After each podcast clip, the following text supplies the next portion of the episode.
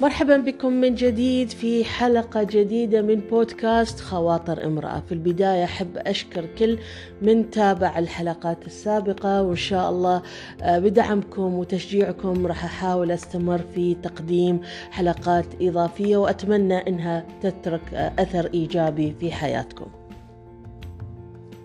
موضوع حلقتنا اليوم بعنوان قوة الصمت. هذه المهارة الحياتية اللي اكتشفت إنها جدا مهمة في بعض العلاقات وفي بعض المواقف ومو بكل حد يقدر يسيطر على نفسه ويقدر يتحكم في ردود أفعاله بسهولة والتزام الصمت في المواقف التي آه، يفضل فيها عدم الجدال. اللي خلاني اليوم إني أختار هذا الموضوع لأن مثل ما قلت لكم أحيانا يعني مفاجآت الحياة أو مواقف الحياة آه، تخليني أتذكر أشياء معينة فتيجي على بالي فحاول إني أطرحها في البودكاست. اللي صار إن آه، قريب وصلني رسالة أو مقطع فيديو عبر وسائل التواصل الاجتماعي عن جدال حدث بين آه، الحمار أكرمكم الله والنمر حيث أصر الحمار أن العشب لونه أزرق. في حين كان النمر يجادله ويؤكد عليه بأن العشب لونه أخضر. ثم ذهبا إلى ملك الغابة الأسد ليحتكمان إليه ويقرر من هو الأصح. وهنا جاءت ردة فعل الأسد يعني مفاجئة أنه وافق الحمار على كلامه وعاقب النمر بالصمت ثلاثة أيام. عندما غادر الحمار استفسر النمر من الأسد عن سبب هذا العقاب رغم أنه على حق. فقال له الأسد لأنك دخلت في جدال مع سفيه وفوق هذا قد أضعت من وقتي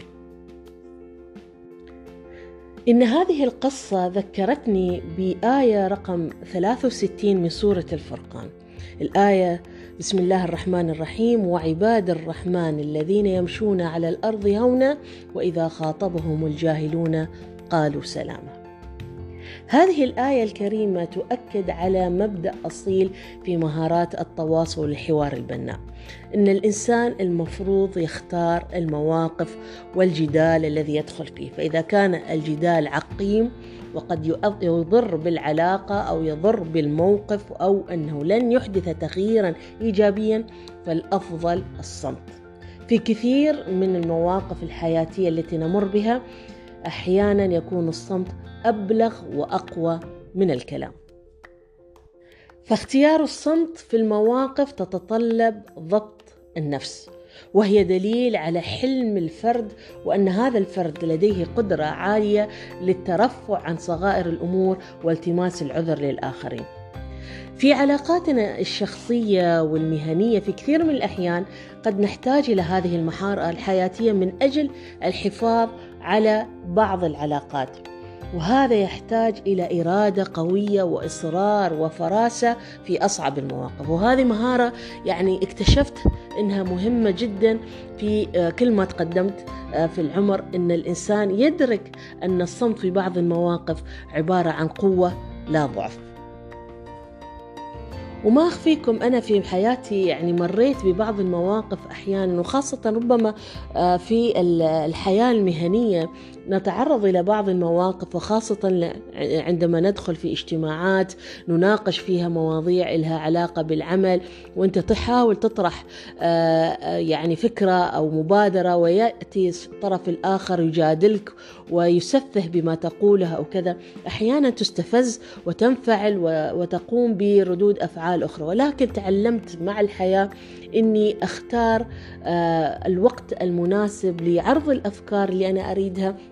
وإذا شفت أن آه، الجدال والشرح المستفيض اللي أنا أحاول أقدمه لن يؤثر ولن يقنع الطرف الآخر فإذا ألتزم الصمت وأحفظ ما وجهي من عدم الدخول في جدال أخسر فيه علاقتي مع زملائي إذا رسالتي اليوم في هذه الحلقة إنكم تنتبهوا يا متابعيني ولا تقعوا في دائرة الاستفزاز لأن هذا الاستفزاز هو استنزاف للوقت وأيضا للصحة النفسية. حاولوا إنكم أنتم دائما آه، آه، تضبطوا أنفسكم تحاولوا إنكم ما تتكلمون إذا جاء شخص يستفزكم. ممكن تشرحون وجهة نظركم مرة ومرتين لكن إذا حسيتوا ان الشخص آه، بعد ما أنت شرحت له وجهة نظرك المرة الأولى والثانية والثالثة ودعمتها بالمؤشرات أو بالحقائق اللي تأكد على هالفكرة ولكن ما ما بغى يعني يستوعب وجهة نظرك ومصر على وجهة نظره. إذا الأفضل هنا التوقف عن الجدال لأن آه، يعني صعب أنه هو يغير رأيه. وتدعي لأن الله سبحانه وتعالى يهديه يوم من الأيام بروحه يكتشف الحقيقة. وما أخفيكم النضج اللي وصلت له فيما يتعلق بالتحكم بردود أفعالي وأني أختار آه، المعارك التي أدخل فيها ومتى أتحدث ومتى أصمت ما جت آه، في ليلة وضحاها ولكن خذت مني سنين. يعني من خلال التجارب اللي مريت فيها المواقف بديت أكتشف وأتعلم من أخطائي. وهذا المفروض أن نحن كأفراد بين فترة وفترة أي موقف نمر فيه إن نعيد تقييمه بعد ما نهدى ونشوف شو الإيجابيات والسلبيات. أحيانا نقول كلام ونندم عليه ونقول يا ريتنا ما قلنا.